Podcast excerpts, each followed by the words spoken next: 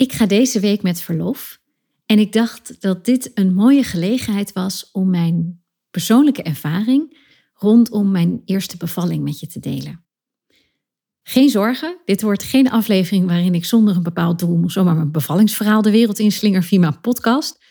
Al geloof ik er zelf heel erg in dat het delen van een bevallingsverhaal natuurlijk op zichzelf eigenlijk al een heel mooi doel is. Tenminste, ik vind en ik vond het zelf altijd enorm waardevol en een meerwaarde om de ervaringen van andere vrouwen te horen. Maar dat is niet mijn insteek voor deze aflevering. Ik wil hem voor zoveel mogelijk mensen waardevol maken, al snap ik natuurlijk ook dat dit onderwerp wellicht wat specifiek is en je daar gewoon weinig mee hebt. Dus als je daar geen zin in hebt, no hard feelings, dan gewoon lekker afzetten deze aflevering en iets anders gaan doen met je tijd. Ik ga wel uitweiden over mijn zwangerschap en wat daarin gebeurde en hoe ik ervoor heb gezorgd mezelf en mijn grenzen te bewaken. Want het ging heel erg goed en het gaat heel erg goed. Of mijn, mijn vorige zwangerschap heb ik het natuurlijk over, maar dat ging heel erg goed allemaal. Maar niet alles liep zoals ik had gehoopt of zoals ik uh, wilde. En ik ga je aan de hand van mijn eerste zwangerschap en de bevalling dus iets meegeven over hoe ik binnen de gegeven kaders leef en onderneem op mijn voorwaarden. Want zoals ik al zei, ik heb echt een hele fijne en geweldige zwangerschap gehad. En mijn bevalling was een droom waar ik met heel veel plezier en liefde en geluk op terugkijk. Hoe gek dat ook klinkt om dat over een bevalling te zeggen, maar dat meen ik echt. Ik heb me nog nooit zo krachtig gevoeld. Terwijl de omstandigheden niet waren zoals ik in eerste instantie had gehoopt. Goed, ik neem je mee terug naar dat gekke coronajaar, 2020 eh, en 2021. De periode waarin ik zwanger werd en net na het instellen van die avondklok in januari 2021 ben bevallen. 2020 is natuurlijk voor iedereen sowieso al een absurd jaar met al die coronatoestanden. Maar voor ons was het ook een heel raar jaar, los van corona omdat we eigenlijk, we kwamen terug in eind januari van een uh, reis die we hadden gemaakt door Azië, mijn man en ik. En een paar maanden later raakte ik in verwachting. En eigenlijk drie weken nadat we erachter kwamen dat ik in verwachting was, kregen we te horen dat we een oude woonboerderij hadden gekocht uh, op het Achterhoekse platteland.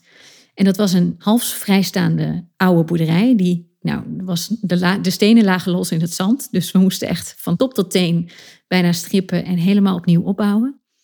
En toen ik dus een paar maanden zwanger was, ik denk dat dat ongeveer rond de helft van mijn zwangerschap was, als ik even zo terugreken, zijn we verhuisd naar de, een woonunit die we hadden gekocht, eh, die we hier in de tuin hebben gezet. dat waren vijf geschakelde containers.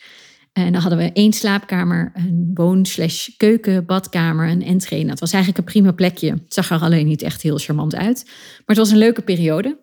En ik was dus zwanger. Mijn zwangerschap verliep heel voorspoedig. Ik voelde me goed. Mijn agenda was natuurlijk heel erg leeg door corona. Maar daardoor had ik mijn eerste trimester heel veel rust. Kon ik heel erg goed naar mijn lichaam luisteren. En eigenlijk voelde dat best wel als een cadeautje. Ik heb net voordat ik zwanger raakte mijn eerste online cursus gelanceerd, de nieuwe Epic. En uh, daar was mijn volle focus op. Vervolgens heb ik nog een andere cursus gemaakt, meer voor particulieren, Frame the Day. En uh, daar had ik ook heel veel plezier in om daar mijn energie in kwijt uh, te kunnen. Ik had nog zeven bruiloften staan dat jaar, zelfs één in Frankrijk, waar ik met mijn vader samen naartoe ben gegaan. Toen was ik al over de helft. Hele bijzondere ervaring, kijk ik met heel veel plezier op terug. Maar ik voelde me echt goed. Aan het begin van mijn zwangerschap, toen ik de intake had bij mijn verloskundige, werd uh, bepaald of werd aangegeven dat ik eigenlijk een aantal extra groeiecho's zou moeten hebben in het verloop van mijn zwangerschap, dus rond de 26 weken, omdat mijn gewicht wat laag was. Dan heb ik altijd, ik ben nooit de dikste geweest, maar ik was net dus een paar maanden op reis geweest met mijn man en ik ben daar heel erg best wel afgevallen. Dat heb ik altijd op reis. Dus nou ja, prima. Ja, ik snapte het, maar ik maakte me helemaal geen zorgen. En mijn zwangerschap verliep dus eigenlijk heel erg goed. Ik voelde me goed. Ik voelde de baby goed groeien. Ja, eigenlijk was alles top. Tot die groeiecho. En daarmee begint voor mij dit verhaal. En de lessen die ik voor mezelf uh, hieruit uh, geleerd heb. Leuk dat je luistert naar de Wianda Bongen podcast. Als je op zoek bent naar een verfrissende kijk op fotografie en het creatief ondernemerschap, dan zit je sowieso goed. Ik ben fotograaf, geef cursussen, mentortrajecten en ik krijg maar geen genoeg van persoonlijke ontwikkeling. Hier deel ik flarden uit mijn leven, mijn soms wat uitgesproken visie op fotografie en mijn leerweg als creatief ondernemer.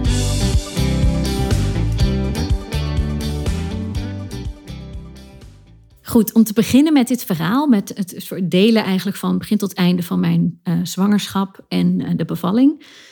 Even een korte side note over die groeiecho. Het bleek namelijk tijdens die echo dat ja, onze dochter een, een groeiachterstand had. Of dat, daar leek het op. Dat moeten ze dan vervolgens helemaal gaan onderzoeken. En wat was er aan de hand? Haar buikomvang liep achter. Zeg maar in vergelijking met haar hoofd en de benen liep die achter. Toen ik dat hoorde, moet ik heel eerlijk zeggen dat ik mezelf niet heel erg zorgen maakte. Want ik dacht, ja, eh, als haar hoofd veel groter of kleiner was, lijkt me veel zorgwekkender. Maar zij namen het heel erg serieus, want het kon duiden op een niet goed werkende moederkoek of bijvoorbeeld een navelstreng. En dat zou betekenen dat kindje dus gewoon simpelweg niet genoeg voeding krijgt. En dan is het wellicht op een gegeven moment beter af buiten je buik. En die weken wachten, oh, dat was zo'n mindset training. Dat was zo moeilijk. Want je dondert ten eerste volledig van die roze wolk af. En belandt ook nog eens keihard op de grond. Want waar ik tot dusver zoveel zekerheid voelde in mijn zwangerschap en me 0,0 zorgen maakte, ik heel solide was in alles wat ik voelde, ik, ik, ik voelde gewoon echt die zekerheid, was ik dat ineens volledig kwijt. Want ik had niets doorgehad. Dus ik kon in één keer niet meer op mezelf vertrouwen voor mijn gevoel. Dat was echt heel lastig. Ik wist op dat moment niet of het een jongen of een meisje zou worden. Als ik mijn kindje even niet voelde, dan raakte ik echt een beetje in paniek. Dan ging ik op de bank liggen en dan praatte ik tegen haar. En dan vroeg ik of, of ze alsjeblieft iets wilde laten voelen of even wilde bewegen. Dat het oké ging. Ja, ik, ik hield in die tijd een dagboek bij, zodat ik daar ook echt goed van me af kon schrijven. Maar ik vond het echt een hele lastige tijd. En het duurt gewoon heel lang, want je moet eigenlijk... Ik moest wekelijks naar het ziekenhuis voor controles en echo's zodat ze een nieuwe groeicurve konden maken. Dus eigenlijk vanaf die eerste groeiecho werd een nieuwe curve gemaakt om te bepalen of ze wel groeide binnen haar eigen lijn. Dus dat ze gewoon haar eigen lijntje goed volgt. En uiteindelijk, na een aanleiding van een aantal echo's, dus elke twee weken heb je dan zo'n groeiecho en je moest, we moesten ook nog elke week terug om die doorbloeding te checken, werd bepaald dat ik medisch werd. Omdat mijn dochter wel echt aan de onderkant van de gemiddelde groeiecho's of de groeicurve bleef hangen. En ze, ze zakte af en toe een beetje verder weg en dan weer een beetje bij, maar het bleef echt een beetje een grensgevalletje. En ik heb vanaf het begin van mijn zwangerschap en eigenlijk al daarvoor één grote droom gehad. Ik wilde thuis bevallen. En zelfs nu we in die woonunit woonden in de tuin, wilde ik heel graag in die woonunit bevallen. En dat viel nu dus in duigen, want zodra je medisch wordt, ga je weg bij je verloskundige word je volledig overgenomen door het ziekenhuis en moet je ook daar bevallen. En dat kan in eerste instantie gewoon met de verloskundige als alles gewoon oké gaat. Uh, en als er dan iets aan de hand is, dan is er gewoon snel een gynaecoloog in de buurt. Dus je, hebt gewoon, je wordt extra gecontroleerd. En ik heb daar heel veel verdriet van gehad. Ik vond het heel moeilijk. En natuurlijk ben je al in een bepaalde spanning, omdat het blijkbaar niet gaat zoals het zou moeten gaan. En omdat het gewoon heel spannend is om te zien, ja, gaat het goed in 26 weken en dan horen dat je kindje misschien eerder gehaald moet worden uh, zorgt voor onrust. Omdat, ja, dat is gewoon jong, dat is klein. 26 weken is echt uh, mini. Dus dat, vond ik, ja, dat was gewoon een hele spannende periode. En daarnaast dan het moeten verwerken van... Oké, ik, uh, ik moet in het ziekenhuis bevallen en dat wil ik eigenlijk niet. Dat was gewoon een teleurstelling die daar bovenop kwam. En dat vond ik echt even pittig. Maar ik besloot wel meteen, ik hou de leiding. Het is prima dat ik in het ziekenhuis moet bevallen, maar dan wel op mijn voorwaarden. En ik word door mijn omgeving soms wel eens een beetje Sherlock genoemd als uh, middelneem, zeg maar. Omdat ik altijd alles heel erg tot in detail uitzoek als iets me fascineert of als ik ergens in wil duiken. En dat was ik nu echt in het kwadraat. Ik las eh, boeken, ik zorgde ervoor dat ik heel veel kennis had over wat mijn rechten zijn, ook binnen het ziekenhuis. En ik wilde zorgen dat ik echt wist welke mogelijkheden ik alsnog had, ook al moest ik bevallen in een ziekenhuis. En je krijgt ook ineens, en dat vond ik zelf best wel lastig, te maken met mensen die zich gaan bemoeien met je of die er wat van vinden. Ben je niet te druk? Doe je niet te veel? Etcetera. Nou, dat vond ik ook heel lastig om mee te dealen, want in het ziekenhuis gaven ze aan, daar hoeft het helemaal niet aan te liggen. En als dat het geval is, dan zullen wij je dat aangeven. Maar je hoeft nu niets te veranderen aan je leven of aan je werkpatroon of wat dan ook. Dat is een van de redenen dat ik er online eigenlijk ook nooit heel erg open over ben geweest, over die periode, dat ik er niet veel over heb gezegd. Omdat in mijn geval is er nooit medisch een oorzaak gevonden. Alles werkte perfect. Door de bloeding was heel goed. Ja, er was gewoon niks aan de hand. Ik maak blijkbaar gewoon een gemiddeld kleine baby. Nou, verder niet. Dat is wat het is. En ik vond het fijn om dat gewoon voor toen in elk geval voor mezelf te houden. Nou goed, we liepen dus in het ziekenhuis en op een gegeven moment, dan krijg je ook bij een verloskundige, dan moet je een soort geboorteplan gaan opstellen. Dus dan geef je eigenlijk aan eh, wat jouw wensen zijn rondom de bevalling. Wat je graag wil, wat je niet wil. Dus ik deed, zoals natuurlijk altijd, wat ik net al zei, heel zorgvuldig mijn huiswerk. Ik had me heel goed ingelezen en ik wist donders goed welke rechten ik had. En ik heb alles zorgvuldig uiteengezet. En de eerstvolgende keer dat we bij de gynaecoloog een afspraak hadden, overhandigde ik haar mijn document. En wat er eigenlijk in stond was, voornamelijk kwam het op neer dat ik zoveel mogelijk een hands-off bevalling wilde. Ik wilde niet dat iemand om de zoveel tijd zou meten hoeveel ontsluiting ik had bijvoorbeeld. Behalve als ik het zelf wilde weten, als ik het zelf aangaf. Ik wilde het uurtje na de bevalling geen polonaise aan mijn lijf of aan mijn dochter, maar quality time. Dus dat gouden uurtje wilde ik dat ze gewoon op mijn borst lag, want ik wilde graag borstvoeding geven. Uh, dus ik wilde daar ruimte en tijd voor hebben. Als de situatie dat gaf, uiteraard. Waar ik ook om vroeg was bijvoorbeeld een mobiele CTG. Nou, dat is een, een, een band om je buik of een, een, een kastje op je buik en die meten de hartslag van je baby. En zeker omdat wij natuurlijk medisch werden, omdat zij best wel klein was, willen ze heel graag goed checken of alles wel goed blijft gaan met de baby, of ze de weeën goed aan kan. Wat ik heel goed snap. Maar ik wilde wel een mobiel apparaat, zodat ik de vrijheid had om me gewoon te kunnen bewegen. En ik niet vastgebonden zat aan een kastje, zodat ik op bed moest bevallen. Want dat wilde ik niet per se. Ik wist niet of het goed zou voelen, maar ik wilde in elk geval niet op mijn rug. Want ik geloof niet, zeker met alle kennis die ik ondertussen had, dat dat de beste positie is om vanuit te bevallen. En ik wilde dat ze me steeds vertelden wat ze gingen doen. Dus welke handelingen gingen ze doen. Ja, gewoon dat ze me inlichten. En ook bijvoorbeeld voor een eventuele keizersnee, want ik heb voor elke situatie alles zo goed mogelijk uitgeschreven. En alles wat daartussenin zit, dus tussen natuurlijke bevalling en een keizersnee, had ik voor elke situatie gewoon uiteengezet hoe ik het voor me zag en wat ik wel of niet wilde. En in mijn ogen was dat oprecht niet geks of heel buitensporig, maar ik dacht wel, ik moet het heel goed en concreet opschrijven, omdat ik voor mijn gevoel al een beetje de controle kwijt ben. Goed, ik overhandig dat document aan mijn gynaecoloog. Ze gaat er doorheen. En het voelde een beetje alsof ik weer op school was beland en de een na de andere denkbeeldige rode penstreep door mijn zorgvuldig samengestelde document werd gezet. Dit was niet mogelijk. Dat was hier niet de bedoeling. Hoe zag ik dit dan wel niet voor me? En zo deden ze dat nooit. Oh, en een medische badbevalling ging hem sowieso niet worden. Want ja, ik wilde heel graag in bad bevallen.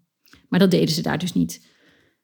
Eigenlijk kwam het erop neer dat elke suggestie die ik had genoteerd vakkundig overboord werd gemieden voordat het werd voorzien van het nodige commentaar. En ik voelde me op dat moment echt tegen de muur gezet. Als ik nu terugga naar dat moment in dat kamertje waar al die geboortekaartjes hingen en ik hoorde aan, ik zag haar strepen door dat blaadje wat ik had opgesteld. Ik voelde me zo klein en zo eenzaam. En toen we dus terug zaten in de auto, was ik echt totaal verbouwereerd. Waarom moest ik in vredesnaam zo'n plan opstellen als zij toch mij gewoon ging zeggen hoe ik moest bevallen. Waarom gaf ze me dan niet hun protocollenlijst mee? En zo van hier bevallen wij zo op deze manier, je doet het er maar mee. Ik was echt, echt boos. Uh, mijn man had het gesprek niet helemaal zo ervaren, of in elk geval, hij zei van ja, kijk, als ze dat hier nu eenmaal zo doen, als dit hun protocol is, dan heb je gewoon weinig keus. Maar ik, tot in het puntje van meteen, ik kon dit niet accepteren. Wat ik toen heb gedaan is, ik heb mijn verloskundige gebeld. Daar liep ik natuurlijk eigenlijk niet meer, want je wordt dus overgenomen door het ziekenhuis. Maar ik uh, heb een hele fijne verloskundige, een hele nuchtere vrouw. En ik heb haar gebeld en ik heb haar mijn situatie voorgelegd. En ik ben met haar in een heel goed gesprek beland. En, en ik heb ook nog gebeld met de cursuslijsten van mijn Hypnobird cursus die ik had gevolgd. Samen met mijn man. Om gewoon even haar visie te horen, omdat zij ook al heel lang verloskundige is geweest. Mijn verloskundige, of mijn oud-verloskundige, gaf aan dat ze heel goed begreep waar ik tegenaan liep. En ze zei ook van, ja, ik herken wel wat je zegt, of hoe moeilijk dat soms is, die protocollen binnen dat ziekenhuis. En toen gaf ze als suggestie om eens te kijken naar een second opinion in een tweede ziekenhuis hier in de buurt. Maar nu moet je weten, ik woon midden in de achterhoek en de ziekenhuizen liggen hier niet per se voor het oprapen. Eigenlijk zijn er in mijn ogen in elk geval twee opties vanuit waar ik woon. En beide zijn op zo'n 20 tot 30 minuten rijden vanuit hier. En normaal gaan we altijd dus naar het ziekenhuis waar ik nu dus ook liep. En nu besloot ik dus, nadat mijn verloskundige dat had aangegeven, om een second opinion te vragen bij dat tweede ziekenhuis. En dat was ietsje verder rijden en ik kwam daar eigenlijk ook niet zoveel. Maar ik dacht, niet geschoten altijd mis. Een hele kleine kanttekening moet ik hierbij plaatsen. Ik was op dit moment 36 weken zwanger. Goed, die second opinion. Ik uh, ging alleen naar die afspraak toe met mijn gynaecoloog. Niet omdat mijn man niet mee wilde, maar we hadden al zoveel afspraken staan en het kwam met zijn werk totaal niet uit. Dus ik zei, ik ga alleen. Mijn gynaecoloog bleek een man te zijn. En daar was ik in eerste instantie niet heel erg blij mee. Toen ik tegenover hem zat, was ik zelfs best wel een beetje sceptisch en uh, ook strijdlustig, zoals ik kan zijn. Ik had mijn geboorteplan, eigenlijk de exact dezelfde als die ik aan mijn vorige gynaecoloog had gegeven, mee. En ik overhandigde deze aan hem. Hij keek er doorheen, stelde hier en daar een vraag en zei toen, nou, dit moet zeker mogelijk zijn. Ik zie eigenlijk geen gekke dingen.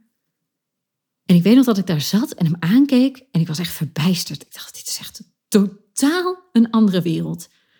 En hij voegde er nog aan toe, kijk, hij zei, jij bent expert. En ik heb er misschien voor geleerd, maar ik ben en een man en ik kan niet voelen wat jij voelt. En die woorden zal ik nooit vergeten, want hierdoor gaf hij mij zoveel zelfvertrouwen en zoveel, ja, hij nam me serieus. En ik wist meteen dat ik bij hem in goede handen was. Dus ik heb toen meteen besloten, ik wil bij jullie bevallen. Ook omdat zij, er, er stonden al foldertjes achter hem voor badbevallingen. Dus daar waren ze veel verder in. En de overgang is toen in gang gezet, de overdracht, zodat ik naar het andere ziekenhuis kon. Ik heb toen nog wel een telefoontje gepleegd met mijn oude gynaecoloog in dat andere ziekenhuis. En vooral omdat het voor mij niet echt afgesloten was. Ik wil daar ook niet zomaar zonder iets te zeggen daar weggaan. En ik hoopte dat ze op een of andere manier iets, dat ze er iets mee zou kunnen gaan doen. Of in elk geval dat er een bepaald zaadje werd geplant. Of een, dat het een begin kon zijn van een nieuwe manier van denken of werken. Ik weet niet, ik, ik hoopte gewoon dat ik iets in gang zou kunnen zetten met dat telefoontje. Dus ik heb haar verteld waarom ik wegging, waar ik tegenaan liep, wat me dwars zat. En ja, ik ben heel erg blij dat ik weg ben gegaan uit dat ziekenhuis. Want ik, met, met hoe het ging, en hoe ze steeds meer sprak overal inleiden, vermoed ik dat ze mij met zo'n 37 weken hadden ingeleid in dat andere ziekenhuis. Die hadden nooit willen wachten. Terwijl ik nu dus alle vertrouwen kreeg en gewoon mocht afwachten. Maar ik zat natuurlijk al richting mijn uitgerekende datum. Dus een paar weken later naderde ik ook echt die 40 weken. En in het ziekenhuis hanteren ze, dat is goed om te weten, geen 42 weken als eindstation, zeg maar, maar 41 weken. Dus begon die tijd wel een beetje te tikken. Dus ik voelde die, die weken, of die uh, eh, 40 weken aankomen. Maar van mijn kindje nog geen signaal. dus het was allemaal nog heel rustig. En op een gegeven moment uh, had ik weer, dan heb je weer een gesprek met je gynaecoloog. En die had op een gegeven moment al een, een datum geprikt voor het inleiden. En dat was eigenlijk net, ik zou op een donderdag 40 weken zijn. En hij had nu bedacht dat ik dan die dag naar het ziekenhuis zou komen. En dan vrijdag zou worden ingeleid. Dus dan wordt er donderdag bijvoorbeeld een ballonnetje geplaatst. En dan verwachten ze dat je vrijdag gaat bevallen. En dat zou voor hem ook goed uitkomen, want dan had hij dienst. En nou ja, misschien ken je me nu door alle afleveringen een beetje. Maar ik heb er in die laatste week voor die tussen haakjes deadline alles aan gedaan vanuit wat ik kon. Om mijn bevalling natuurlijk op gang te laten komen. Maar het zat zoals mijn verloskundige zijn, want daar mocht ik heel even langskomen. Om even te checken of ik misschien niet al wat ontsluiting had. Maar het zat allemaal nog potdicht, zei ze. Maar wat zij toen wel deed, wat zij mij meegaf toen ik daar was, zij, zij zei: Vraag eens aan je gynaecoloog of ze niet nog even kunnen wachten. Want ah, de enkelde reden, ik heb dan dienst, eh, dat is niet per se een goede reden om dan je kindje al te halen. En zeker niet als er verder niks met de baby aan de hand is. En zij gaf daarmee echt woorden aan hoe ik het voelde. Maar ik twijfelde heel erg, omdat ik dacht, ja, ik doe al steeds zo moeilijk. En ik ben al zo last minute overgeswitcht. Ik ben al zo eigen gereid. Ja, het was even lastig. Het was heel fijn dat ik dan iemand naast me had die woorden gaf aan wat ik zelf eigenlijk ook voelde. Dus de woensdag eigenlijk voordat ik zou worden ingeleid, hadden we nog een gesprek met mijn gynaecoloog staan. En dit was op dinsdag. En ik had ook nog, volgens mij maandag op dinsdag die week, s'nachts dat ik wakker werd. Oh, dat, kan, dat vergeet ik nooit meer, dat moment. Ja, woensdag had ik dat gesprek met de gynaecoloog. Dinsdag was ik dan bij mijn verloskundige om te checken of er niet al iets aan de gang was. Maar die maandag op dinsdag werd ik s'nachts wakker. En ik was zo verdrietig. Ik ben in mijn eentje toen naar de woonkamer van onze woonunit gegaan, op de bank gaan zitten en zachtjes gaan praten tegen, nou, toen nog voor mij onbekende frummeltje in mijn buik. En ik voerde daar een gesprekje in mijn eentje over dat ik merkte, en dat voelde ik echt zo sterk diep van binnen, dat we er allebei nog niet klaar voor waren. Ook dat kindje in mijn buik niet. Ik wist niet goed waar ik dat gevoel moest plaatsen of waar het vandaan kwam. Maar ik voelde dat gewoon heel sterk van we zijn er nog niet klaar voor. En eind deze week is het al zover. En toen mijn verloskundige dus zei van alleen maar ik heb dienst is eigenlijk geen reden om een kindje te halen. Dus vraag of je nog wat tijd mag. Dus toen ik woensdag naar het uh, ziekenhuis ging met mijn man, naar de gynaecoloog, nam ik die troef met me mee. En tijdens die laatste controle zei de gynaecoloog dus, nou, dus dan kom je in principe donderdag hier en gaan we vrijdag uh, je inleiden. En toen vroeg ik hem of ik niet nog mocht wachten, omdat ik heel erg het gevoel had dat ik nog niet klaar ervoor was. En dat ik eigenlijk nog maar net 40 weken zou zijn, mocht ik niet nog een weekje het uitstellen. En hij keek me toen aan en hij moest een beetje lachen en hij zei dat mag, maar dan wil ik wel je extra checken en heel even kijken hoe het nu gaat. Want hij zegt, je loopt niet voor niks medisch. We moeten je kindje nu echt extra in de gaten houden. En dan moest, je, moest ik op zaterdag, en dit was op woensdag, dan zou ik op zaterdag een extra CTG moeten hebben om even te controleren of het kindje ja, het nog goed maakt. Nou, daar ging ik natuurlijk mee akkoord. Ik was onwijs blij. Dus gingen we weer naar huis. Helemaal opgelucht. Wat een rijkdom.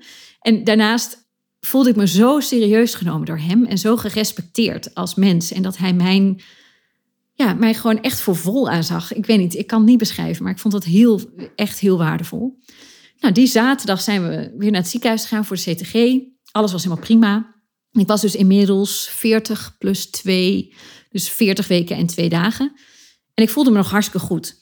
En we zaten natuurlijk midden in die verbouwing, dat is echt hilarisch.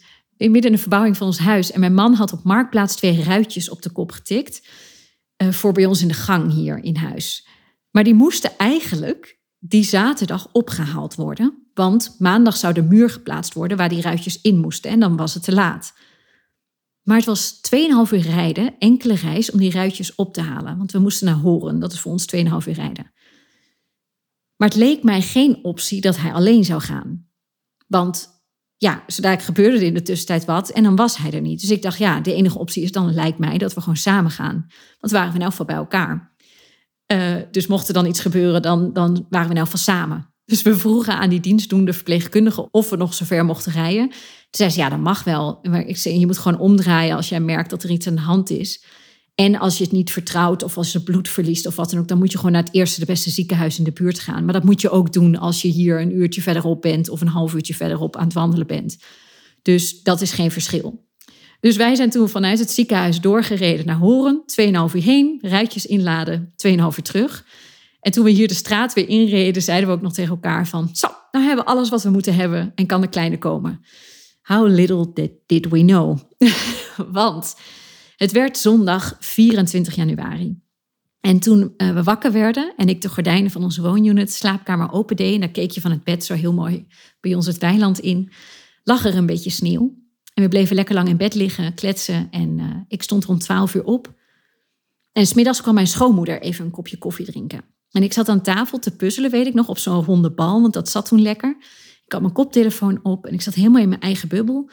En toen zij binnenkwam, terwijl ik vind mijn schoonmoeder een schat, en het komt wel vaker en het is altijd heel fijn, maar nu voelde het op een gegeven moment op een of andere manier helemaal niet oké of fijn dat ze er was. En ik kon dat eerst niet helemaal goed plaatsen. Totdat ik me realiseerde dat ik volgens mij iets voelde in mijn buik. En het leek op weeën. Maar goed, ik had geen idee, want ik had nog nooit weeën gehad. En mijn man kwam ook binnen en ze gingen samen rustig op de bank kletsen en koffie drinken. En het bleef ook mijn geheimpje. Dus ik ben op een gegeven moment bij ze gaan zitten en ik merkte wel echt dat het toenam. Dus ik dacht, ja, dit zijn gewoon weeën. Maar het bleef mijn geheimpje tot ze weer weg was. Het was heel grappig, want er was een voetbalwedstrijd op. En mijn schoonmoeder was de deur uit. En ik zei tegen mijn man, volgens mij heb ik weeën.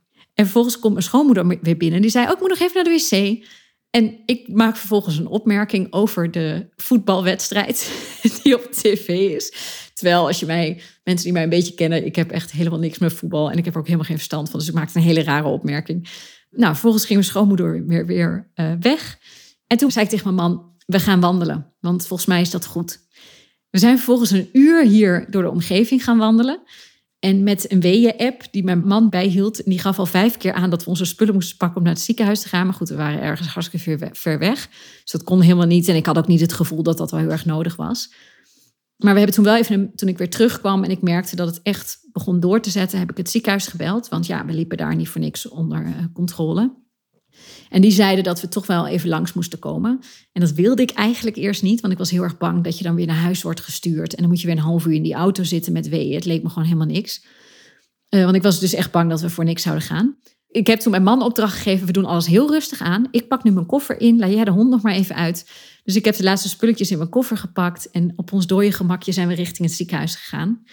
En dat bleek ons laatste ritje zonder kindje. Ik weet nog dat we in de auto zaten en dat nummer van Suzanne, Freek en eh, Snelle was op de radio met aan de overkant, dat wat gaat over de Achterhoek. En over een beetje gewoon überhaupt deze omgeving, niet per se de Achterhoek. Maar dat soort momentjes vergeet je dan niet. Maar en onderweg heb ik haar meerdere keren tegen mijn man gezegd, straks moeten we voor niets en zijn we voor niks. En wat een, eh, nou, ik was een beetje zo mopperig. In het ziekenhuis bleek ik 1 centimeter ontsluiting te hebben. En uh, ze hebben mij toen naar een CTG gelegd om te kijken hoe de baby reageerde op de ween. Nou, dat was allemaal goed. En toen ik klaar was met die CTG rond 8 uur in de avond. En toen had ik dus 1 centimeter. Dus het, meteen schoot het in ons hoofd. Oh, dan wordt het dus waarschijnlijk 25 januari dat onze dochter wordt uh, geboren.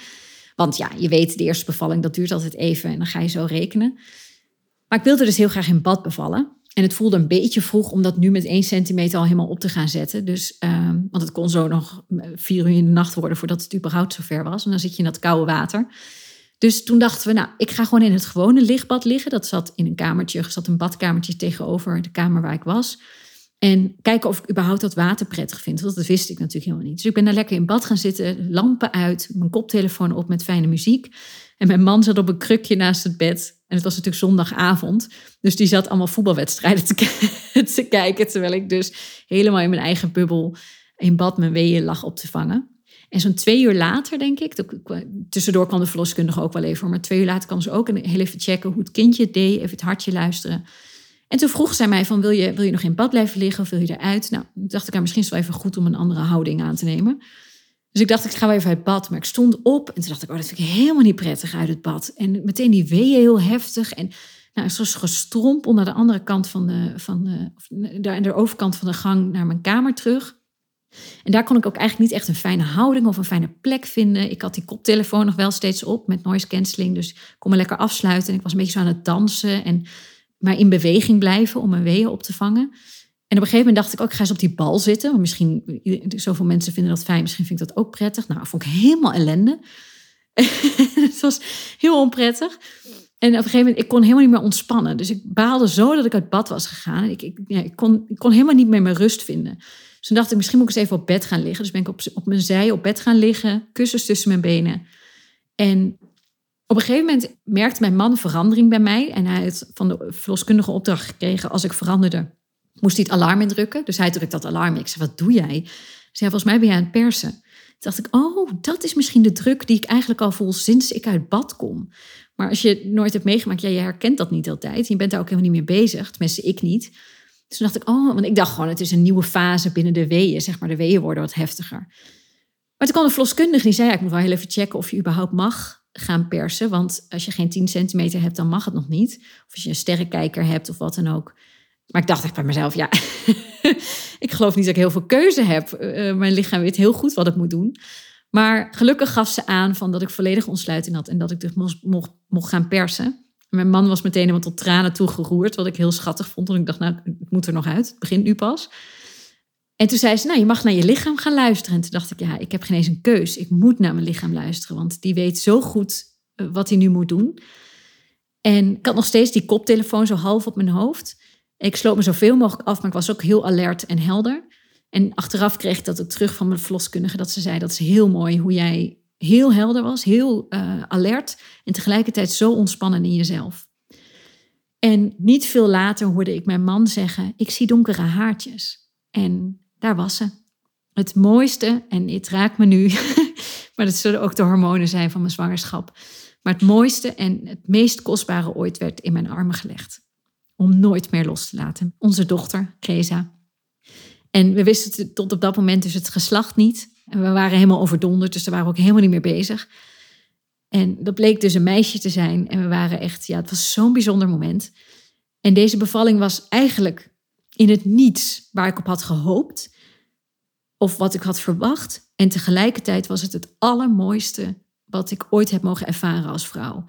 En waarom dat komt en hoe dat komt, dat is denk ik in mijn ogen omdat ik volledig de regie heb genomen en gehouden gedurende mijn hele zwangerschap en de bevalling. Ik ben op mijn voorwaarden bevallen binnen de kaders die me gegeven zijn. En een dag later kwam eerst mijn gynaecoloog aan mijn bed en hij zei: Ik zag jouw naam staan op de lijst en ik dacht: Yes, ze heeft het geflikt. En dat vond ik heel gaaf dat hij dat zei. En dat maakte me heel gelukkig. En later kwam de dienstdoende verloskundige ook nog even bij me. En ze zei: uh, Jij kan echt goed bevallen. Waar ik heel erg om moest lachen. Want ik dacht, ik wist niet dat dat ook nog een talent kon zijn. Maar ja, die man en ook de verloskundige die we op dat moment hadden, die, dat was gewoon goud. Die respecteerde mij op zo'n mooie en, en goede manier. En dat mijn gynaecoloog een man is, vond ik achteraf juist een meerwaarde. Want hij spreekt niet uit ervaring. Hij doet niet alsof wij hetzelfde zijn. Of dat hij het beter weet dan ik. Hij neemt me bloedserieus. En hij benadert me echt als een volwaardig mens. Met een prima functionerend stel hersenen. En dat ja, vond ik heel fijn. Hij heeft me nooit het gevoel gegeven dat ik gek was. Dat ik gekke vragen stelde. Hij is betrokken, eerlijk. En hij liet mij echt in mijn waarde. En dat had ik nodig. En ja, zoals ik al zei. Deze podcast maak ik niet voor niks. Want ik wil, wat ik je hiermee wil zeggen is hoe ik tijdens mijn zwangerschap en tijdens de bevalling het recht en heft in eigen hand heb genomen en gehouden. En altijd heb geluisterd naar mijn eigen gevoel, mijn intuïtie. En me niet zomaar wat heb laten aanpraten of zomaar dingen voor waar heb aangenomen of ergens in mee ben gegaan omdat dat nu eenmaal het protocol is. Dat is precies zoals ik ook onderneem.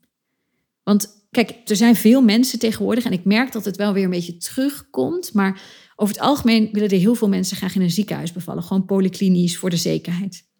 Maar ik wilde dat niet, maar ik moest. En je krijgt vaak niet wat je hoopt of wil.